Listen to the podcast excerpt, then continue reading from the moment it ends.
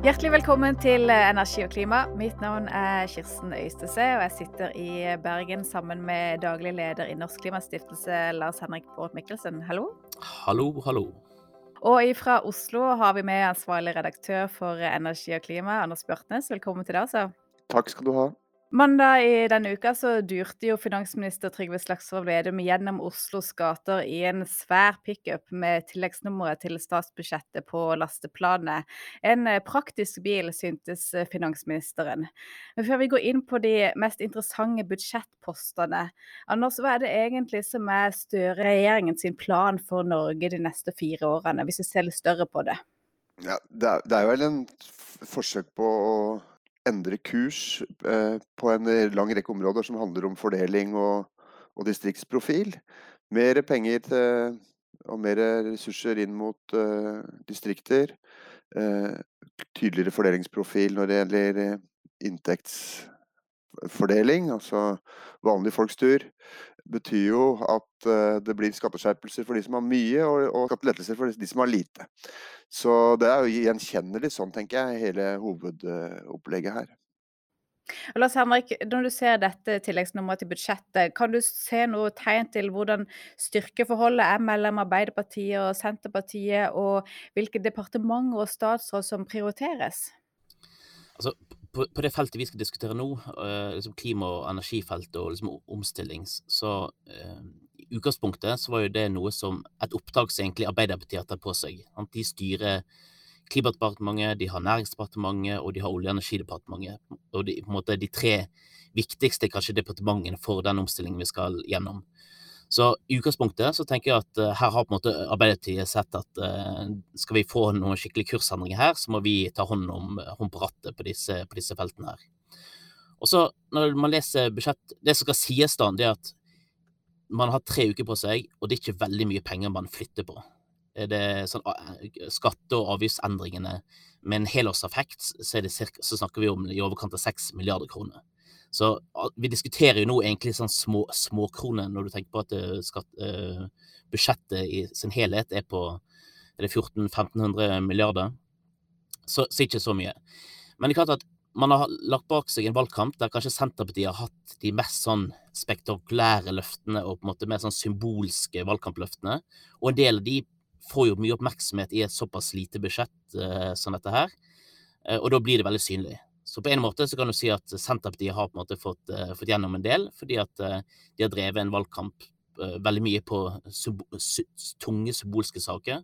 Og det gjør seg også gjeldende i dette. Så på en måte så kan du si at Senterpartiet har på en måte fått gehør da, for litt av, den, litt, av de løftene de har gitt i, i, valgkampen. Et, et eksempel er jo f.eks. innenfor drivstoffpolitikkområdet.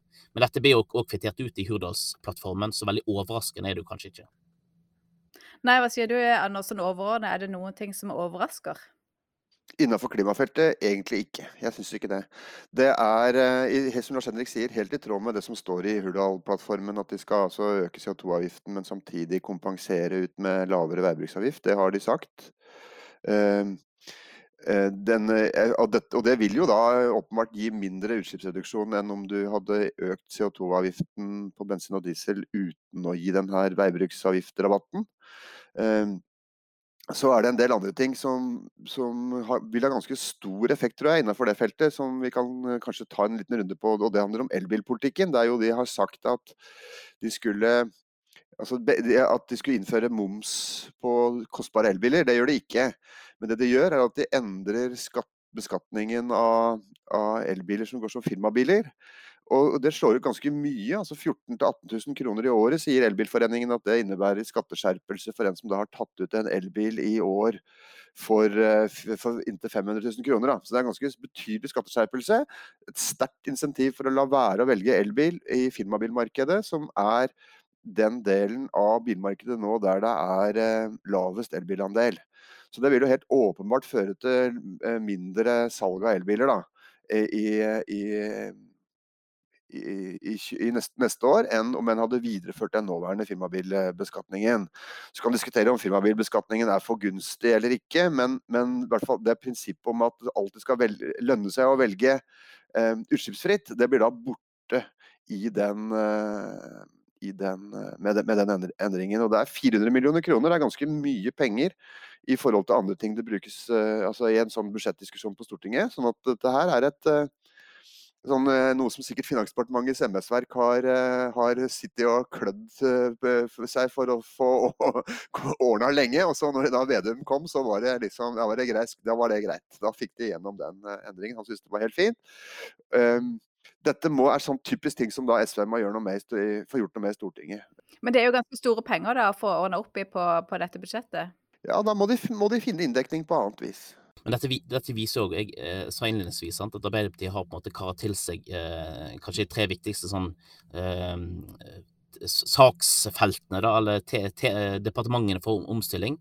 Men det er klart at det øverste departementet det er Finansdepartementet, og det er de som styrer pengesekken. Og det viser jo at eh, til sjuende og sist, sant, budsjettene og de som skriver eh, hoved, hovedfortellingen, det er Vedum de neste fire årene.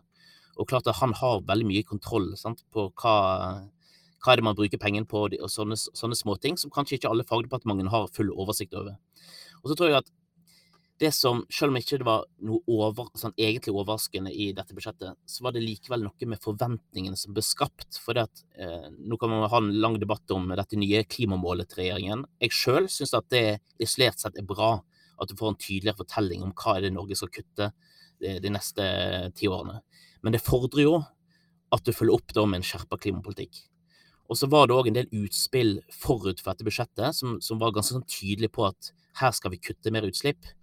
Og så når det kommer til stykket, så har man da levert fra, seg budsjett uten de store overraskelsene, men man kan ikke svare på om jeg håper å si, kutte etter mer eller mindre enn det som Solberg-regjeringen la fram. Og, og, mest sannsynlig så er det vel kutte mindre pga. den endringene som Anders viser til i uh, elbilpolitikken. Ja, jeg tror de kom med det i går, at, eh, at Espen Barth Eide sa til, til, en av avisene at eh, ja, dette kommer til å gi mindre utslippsreduksjon da i 2022 enn om man hadde fulgt Solberg-regjeringens opplegg. Det er klart, det kan ikke SV være med på. Det tror jeg er helt utelukka at de kan være med på. Å gå inn for en, en politikk som, eh, som svekker eh, eh, liksom, insentivene for utslippsreduksjon.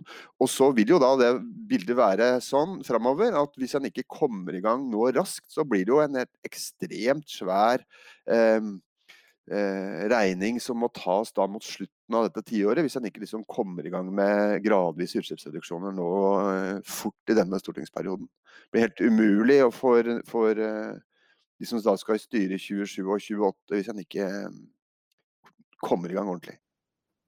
Ja, for målet er jo sånn at du skal ned fra 49,3 millioner tonn CO2 i, i, dag, og så skal du ned til 23 millioner tonn i 2030.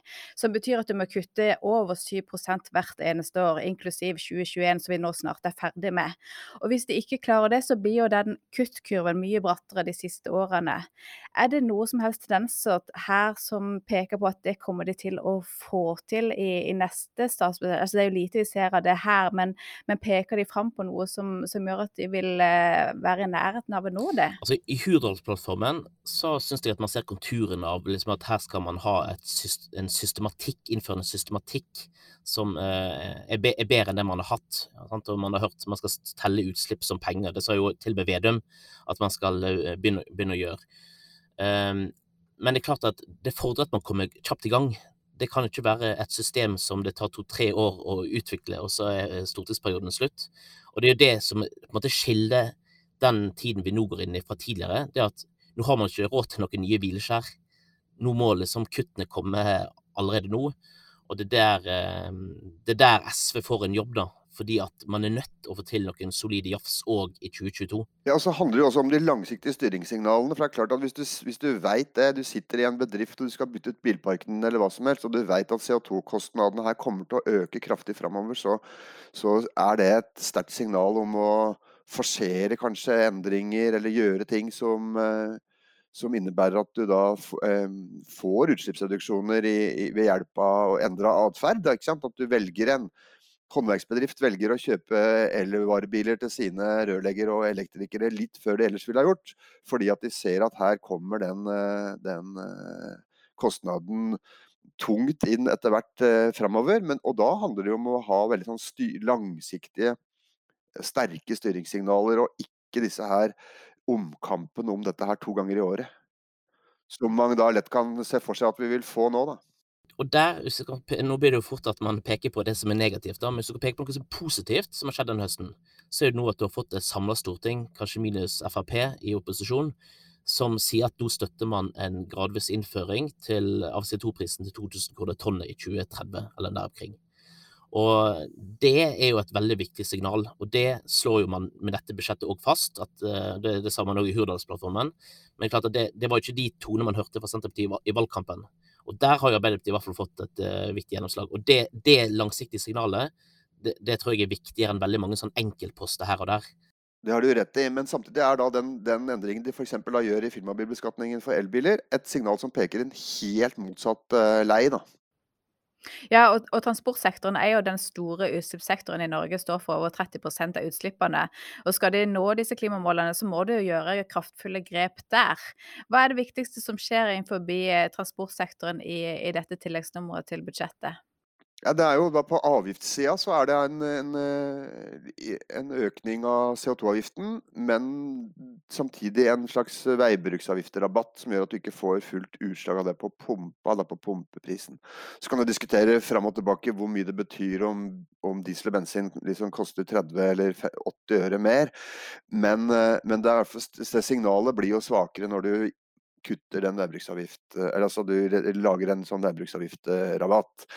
Og så er det en del tiltak på kollektivtrafikken som jeg så var mange var opptatt av i går, som handler bl.a. om at de store kollektivselskapene som nå sliter i etterkant av, av, av koronapandemien, de, de, får ikke noe kompensasjon og støtte for å kunne, kunne videreføre tilbudet sitt på det samme nivået som de har hatt, selv om da trafikken nå forhåpentligvis da midlertidig har gått ned da, i kollektivtrafikken. Det er klart, det er et, eh, og et sånt langsiktig styringssignal i hvilken grad du legger inn kroner og ressurser i, i, i, i kollektivtrafikk, eh, særlig rundt de store byene, for å gjøre det til det liksom, åpenbare valget for alle som, eh, som transporterer seg i det, det daglige på, til jobb osv.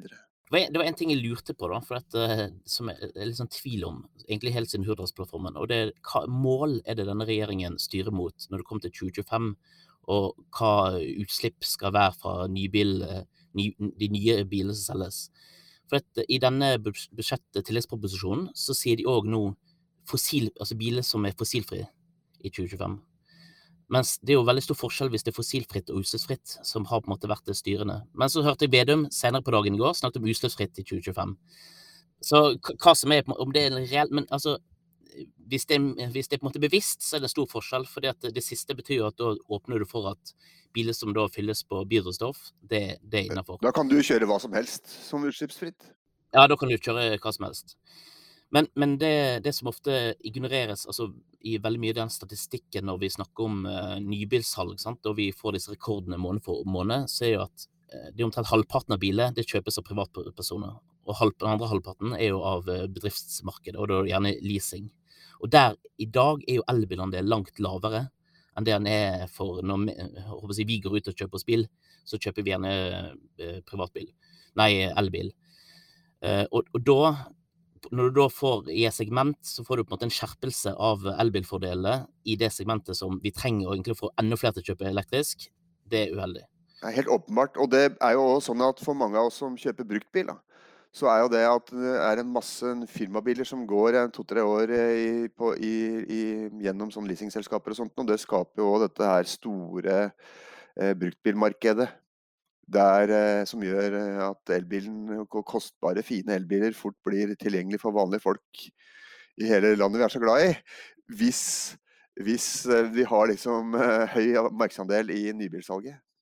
En ting som Senterpartiet også er veldig, glad i, det er jo biodrivstoff. Men det, det går jo an å være litt bekymra for hvor mye de faktisk virker som de ønsker å satse på biodrivstoff. Både altså Én ting er hvis du får opp en viss produksjon i Norge, da, men, men, per i dag så er det jo en stor import av biodrivstoff til Norge.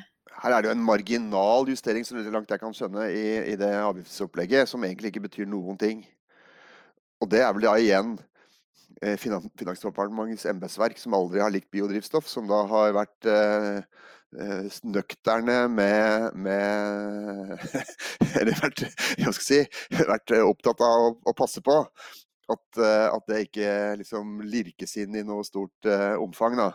Så jeg tror ikke Den bekymringen som du peker på, Kirsten, og som jeg, jeg mener er helt reell, den er da eh, altså Der er det ingenting i det budsjettet som liksom virkelig tyder på at, det, at de kommer til å liksom, gønne på med mye biodrivstoff, sånn i første omgang i hvert fall, eh, for å nå, nå, nå, klimamålene. Men det kan jo fort bli eh, en eh, problemstilling når de ser at dette her er vanskelig å, å, få til. Og jeg vet ikke heller hvor, hvor, raskt det egentlig nå går med å bygge opp den kapasiteten på biodrivstoffproduksjon her i landet. Inntrykket mitt er at det kanskje går saktere enn det, det man, man, både kunne vente og ønske. Men, men det som er Snakk om eh, drivstoff. da, det, Jeg tror det var 60 øre per, 50-60 eh, øre per, eh, per, liter med biodrivstoff skulle reduseres i forhold til Solberg-regjeringens forslag. Også på ordinær bensin og diesel så er det omtrent 30, 30 øre som, som det, det, er ikke snakk om at bensinprisen blir billigere, men det er snakk om at økningen blir 30 øre mindre enn det var med den forrige regjeringens alternativ. Men det som er, hvis du tenker som budsjetter, sant, og her skal du prioritere å bruke penger, så, så bruker man òg veldig mye penger. Altså, det summerer seg opp til ganske store beløp. Selv om jeg tror for den enkelte forbruker så utgjør det nesten ingen eh, Har ingenting å si. Um, men i modellene så fører det til at da over en periode så øker utslippene med da det som vi snakker om, halvannen til to millioner tonn CO2. Men Spørsmålet er er det dette fornuftig pengebruk, og det, det, kan man jo ikke si at eh, det er. Det, det, er ganske mange andre ting man kunne brukt 500-700 millioner på enn en akkurat dette her. da. Og Da tror jeg du er kanskje inne i kjernespørsmålet, så du tenker liksom de neste altså den forhandlingene nå med SV og de neste eh, tre-fire årene, så tror jeg at akkurat dette her, prising av utslipp og hvordan man skal kompensere, det tror jeg er en sånn kjerneutfordring. Helt, helt enig. og jeg, jeg, tror ikke det kommer unna en eller annen form for karbonavgiftefordeling eller grønn folkebonus eller et eller annet i den uh, duren som innebærer at en tilbakefører betydelige penger til folk. da. Uh, på en måte som er, uh, både er og blir oppfatta som, som rettferdig og fordelingspolitisk riktig. Og, og, Da kan vi jo hoppe over til strømprisene, ikke sant? som jo er et eksempel nå på at en strør da den, det elavgiftkuttet så, sånn utover at egentlig Eh, ingen kommer til å merke det, selv om det koster nesten 3 milliarder kroner å gjennomføre hvis du tar med det kuttet som lå der fra Solberg fra før. Og, og, det er jo ikke noe jubel noe sted. Det er kanskje sant, en del energiselskaper syns dette er fint, som har vært opptatt av å få ned elavgiften lenge og, og, og hatt det som krav. Men, eh, men, det er ikke noe noe, ikke, Hvis du ser på, på Facebook, på strømneropet på Facebook, så er det ikke noe så applaus for Vedum. Tvert imot. Nå blir han putta i den samme boksen som en sånn uh, globalist, EU-FN-mann som uh, bare vil uh, flå oss inn i den liksom, boksen. Han på linje med Støre og, og Barth Eide og Erna Solberg og alle sammen. Sånn at hvis de skulle ha altså du, Det er jo helt riktig, du vil jo aldri kunne stoppe liksom, gjøre den, de mest aggressive her fornøyd, men men uh, spørsmålet er jo hvor mange det er som, uh, som uh, føler seg hjemme i den ganske ytterliggående leiren, egentlig. da. og det å stoppe det og bremse det ved å gå til, gå til, rota her og gjøre mer kraftfulle tiltak hvis du først gjør det, det tror jeg hadde vært riktig. Ja, og, og så tror jeg òg at du kommer aldri til å klare å oppnå de svære utslippskuttene hvis du hele tiden skal passe på at uh, Altså, du skal, du skal, unngå at det egentlig slår ut sånn som du ønsker, nemlig at folk da fyller mindre bensin eller uh, ja, har en atferd som du ønsker å bli kvitt. Og Derfor tror jeg at du må finne et eller annet, framfor at du da skal få Senterpartiet og SV skal liksom file hele tiden på liksom, hva, er, hva er tålegrensen til hverandre, så tror jeg du må finne en løsning som begge ser på som en seier. Og da kunne en sånn ja, kaffe eller en, en, klimasjekk, eller hva du måtte kalle det for. Da. Altså, det kunne vært en sånn løsning, så man kunne komme seg ut av det, den der kjeklingen som eh, fort kommer til å bli en så fast øvelse de neste årene, men få et prosjekt som alle kan si at eh, her har vi gjort noe nytt, og det er synlig for folk om at eh, vi øker utslippene på eh, avgiften på utslipp, men vi får noe igjen. Poenget er jo du må sørge for at du beholder insentivene til atferdsendring, og samtidig sørger for den riktige fordelingsprofilen. Ja. Det er, eh, det er nøkkelen. og Det er fullt mulig å finne løsninger sånn teknisk og politisk som ivaretar det hensynet. Så vi har vært innom eh, økt eh, CO2-avgift, eh, kompensasjon på, på drivstoffprisene og, og elavgiften da, som blir redusert, som, som, fører til at staten da får ganske betydelig reduserte inntekter fra, fra elavgiften. Hvilke andre punkter i dette tilleggsnummeret er det som er verdt å legge merke til på energi- og klimafeltet? Ja, Det er jo det at de ikke gjør noe for å fremme energieffektivisering. Altså at de øker bevilgningen til Enova med et par hundre millioner kroner, husker jeg riktig. Så gir de da en, eh, en innsats for noe elbillading i utkantene, som er fornuftig, virker det som. Men de gjør da altså ingenting for å, å, å støtte, gi gulrøtter til uh, forskjellige former for energieffektiviseringstiltak, både i bedrifter, kommuner og, og i husholdninger. Og Det, det, det syns jeg er veldig overraskende, og, det, og jeg mener at det er helt feil politikk. Fordi at et sånt krafttak nå Eh, innafor dette feltet, med, med, isolering av hus og mer Glava og nye vinduer og solceller og styringssystemer og alt dette her, det ville for det første så ville det ha, ha gjort folk mindre sårbare, folk og bedrifter, mindre sårbare overfor neste strømsjokk. Det ville frigjort strøm, som vi alle er enige om at vi trenger til industri og til elektrifisering og alt mulig.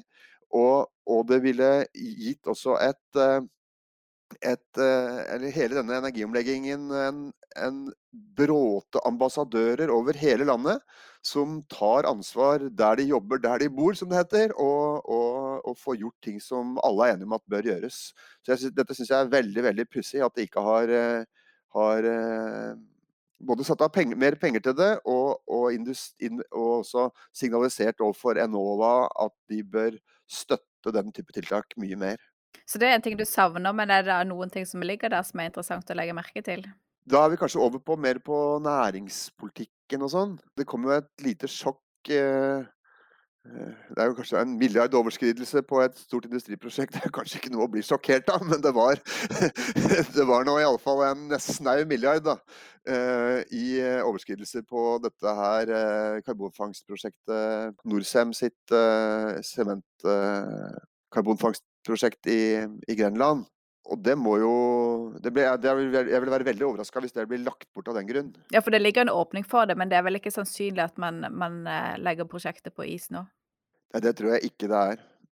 Eh, men samtidig så er jo da dette òg et sånt, sånt, eksempel på at disse her store prosjektene som det, som det er altså, ja, der dette foreløpig er det største, men som det er veldig mange av på beddingen. Enten vi snakker om storskala flytende havvind, om vi snakker om hydrogenproduksjon, om vi snakker om grønn ammoniakk. Eller det er veldig mange store industriprosjekter som har det til felles at de, de vil kreve store statlige innsatser, og, og, da den risikoen eh, det betyr at eh, ting kan bli litt dyrere enn en hadde tenkt. Da. Det, det er der det blir veldig spennende å se de neste fire årene. for at i Hurdalsplattformen så er man jo ganske raus med løftene. Uh, og innenfor CCS sant, så snakker man ikke bare om uh, Klemetsrud som på en måte det neste, men man snakker jo òg om liksom, ambisjonen om at uh, forbrenningsanlegg i andre byer rundt omkring i Norge. Så jeg tror den erkjennelsen om at handlingsrommet det blir mindre, og en del av de løftene vi skal ta, det kommer til å koste dyrt. Karbonfangstlagring er én ting. Havvind skal vi bruke, bruke penger på. Uh, hydrogen skal, skal, man bygge opp, og dette kommer til å ta mye av eh, måte, de, eh, den kapitalen som staten har og skal prioritere. Så den prioriteringskampen i intent regjering de neste fire årene, den blir ekstremt viktig. Og Der blir det òg viktig hvor SV posisjonerer seg. Og da er det jo et spørsmål hva skal være statens rolle? Sant? Hvor mye ansvar og risiko skal staten ta? Og der er det bl.a. sett på skal staten, et, skal staten gå inn og eie eller være deleier i et hydrogenselskap? Og det er det jo ennå ikke noe avklaring på.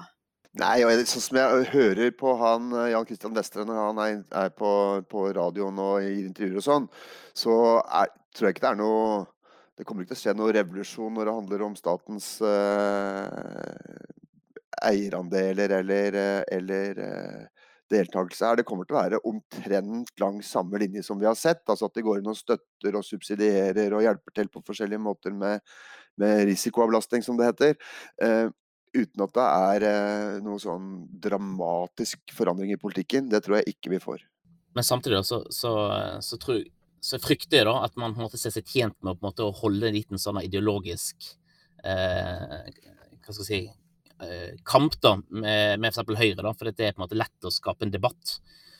At nå skal man utrede dette statlige hydrogenforslaget, man skal jobbe videre med det. Mens det er jo ikke det det, ikke det, det står og faller på om vi får fart på hydrogeneventyret i Norge. Da er det jo å bidra med penger til å skape etterspørsel. Helt klart. Og så du, ser du jo at hvis du skal klare, være i nærheten av å klare den 55 %-kutten, så er du jo nødt til å gjennomføre en del tiltak av den typen som er ganske store og omfattende i industrien, ikke sant? for å få ned, få ned utslipp uh, der. Um, fordi at det er jo ganske, altså Sånn som i Mo i Rana f.eks., som det er snakk om å lage et svært sånt uh, karbonfangstanlegg med mye grønn hydrogen og greier, så er det jo store utslipp. Og det å komme til 55% kutt uten at en tar en del sånne, det tror jeg blir vanskelig. Men så er det noen spor til, eh, til, grep her som gjør at man får noe fart i de nye grønne næringene som man ønsker å eh, skape vekst i? Altså Man hadde jo denne milliarden som man gikk ut, rykka ut med uh, uken, uken, før. da, og den... Uh, klimamilliarden. Klimamilliarden. Jeg klarer ikke helt å ja, litt sånn inntrykk av at det er litt sånn selektivt. Man har, på, man, man har inkludert alle plussene, og så har man ikke tatt med minusene i uh, det regnestykket. Nei, det tror jeg var en sånn kommunikasjonsmedarbeider. Uh, milliard. den viser seg å, å krympe litt. Sånn, den er jo det, dette her uh, Selskapet Nysnø har jo fått kutta sine eller overføring dit da, med 400 millioner, og mens da Norfund, eller den satsingen på fornybar energi bistand, over bistandsbudsjettet, har fått økt sin med omtrent like mye. Så der er det jo en, en en forskyvning, altså en flytting av penger fra en, en, en, et statlig virkemiddel til et annet. Eh, som krymper den milliarden med 400 millioner. Og så er det jo noen småbevilgninger noen, eh, til offshore vind og, og hydrogen og sånt, men det er mer sånn på utredningsnivå, virker det som. Altså noen, noen millioner kroner plussa på, da. For å kunne ha noe mer kapasitet til rådighet for å stelle med det. Ja, og det er klart at det man kunne gjort, altså ta for eksempel hydrogener, det, det, det man kunne gjort, det var jo for eksempel å etablert noen støtteordninger som gjorde at de fylkene for eksempel som skal nå rulle ut hurtigbåtanbud, at de har hatt en viss sikkerhet i at staten stilte opp med noe av merkostnadene. Det hadde vært en sånn praktisk måte å i alle fall bidra til at uh, du kunne få et opp volum av uh, bruken av grønt hydrogen i Norge. Så går jo tida fort her. Altså, sånne komplekse industriprosjekter som som forutsetter at veldig mange aktører eh, si, gjør sin jobb på sitt sted i en kompleks verdikjede, det, det, er jo ikke gjort i en håndvending å sette sammen. Og det kan fort gå både vinter og vår før de da er på sporet av noe som faktisk gir konkrete resultater. Da. Hvis de ikke kommer i gang veldig fort med, med den type tiltak. Nå skal jo ehm, SV eh, først legge fram sitt eh, alternative budsjett, og så skal de forhandle med regjeringen. Hva, hva er det SV må, må, få av seire for å kunne støtte dette budsjettet? De kalte det vel grått og smått?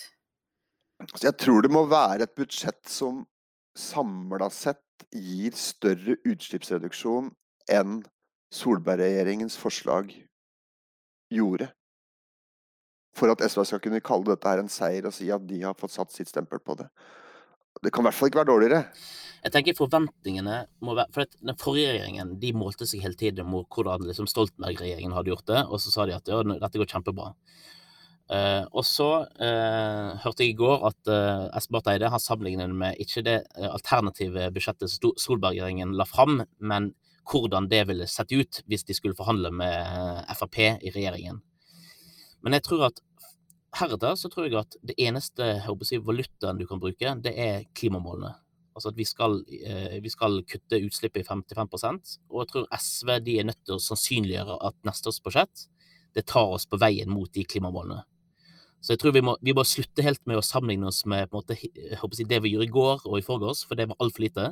Nå skal vi på en måte få opp et helt annet tempo enn det vi har sett før. Så vil jo da SV er jo også i dette nye Stortinget her, det er jo pressa både fra Rødt og fra MDG, og fra Venstre for så vidt òg. Sånn at uh, de, de, de, kan ikke liksom avspises med knapper og glansbilder i en, i en sånn type forhandling.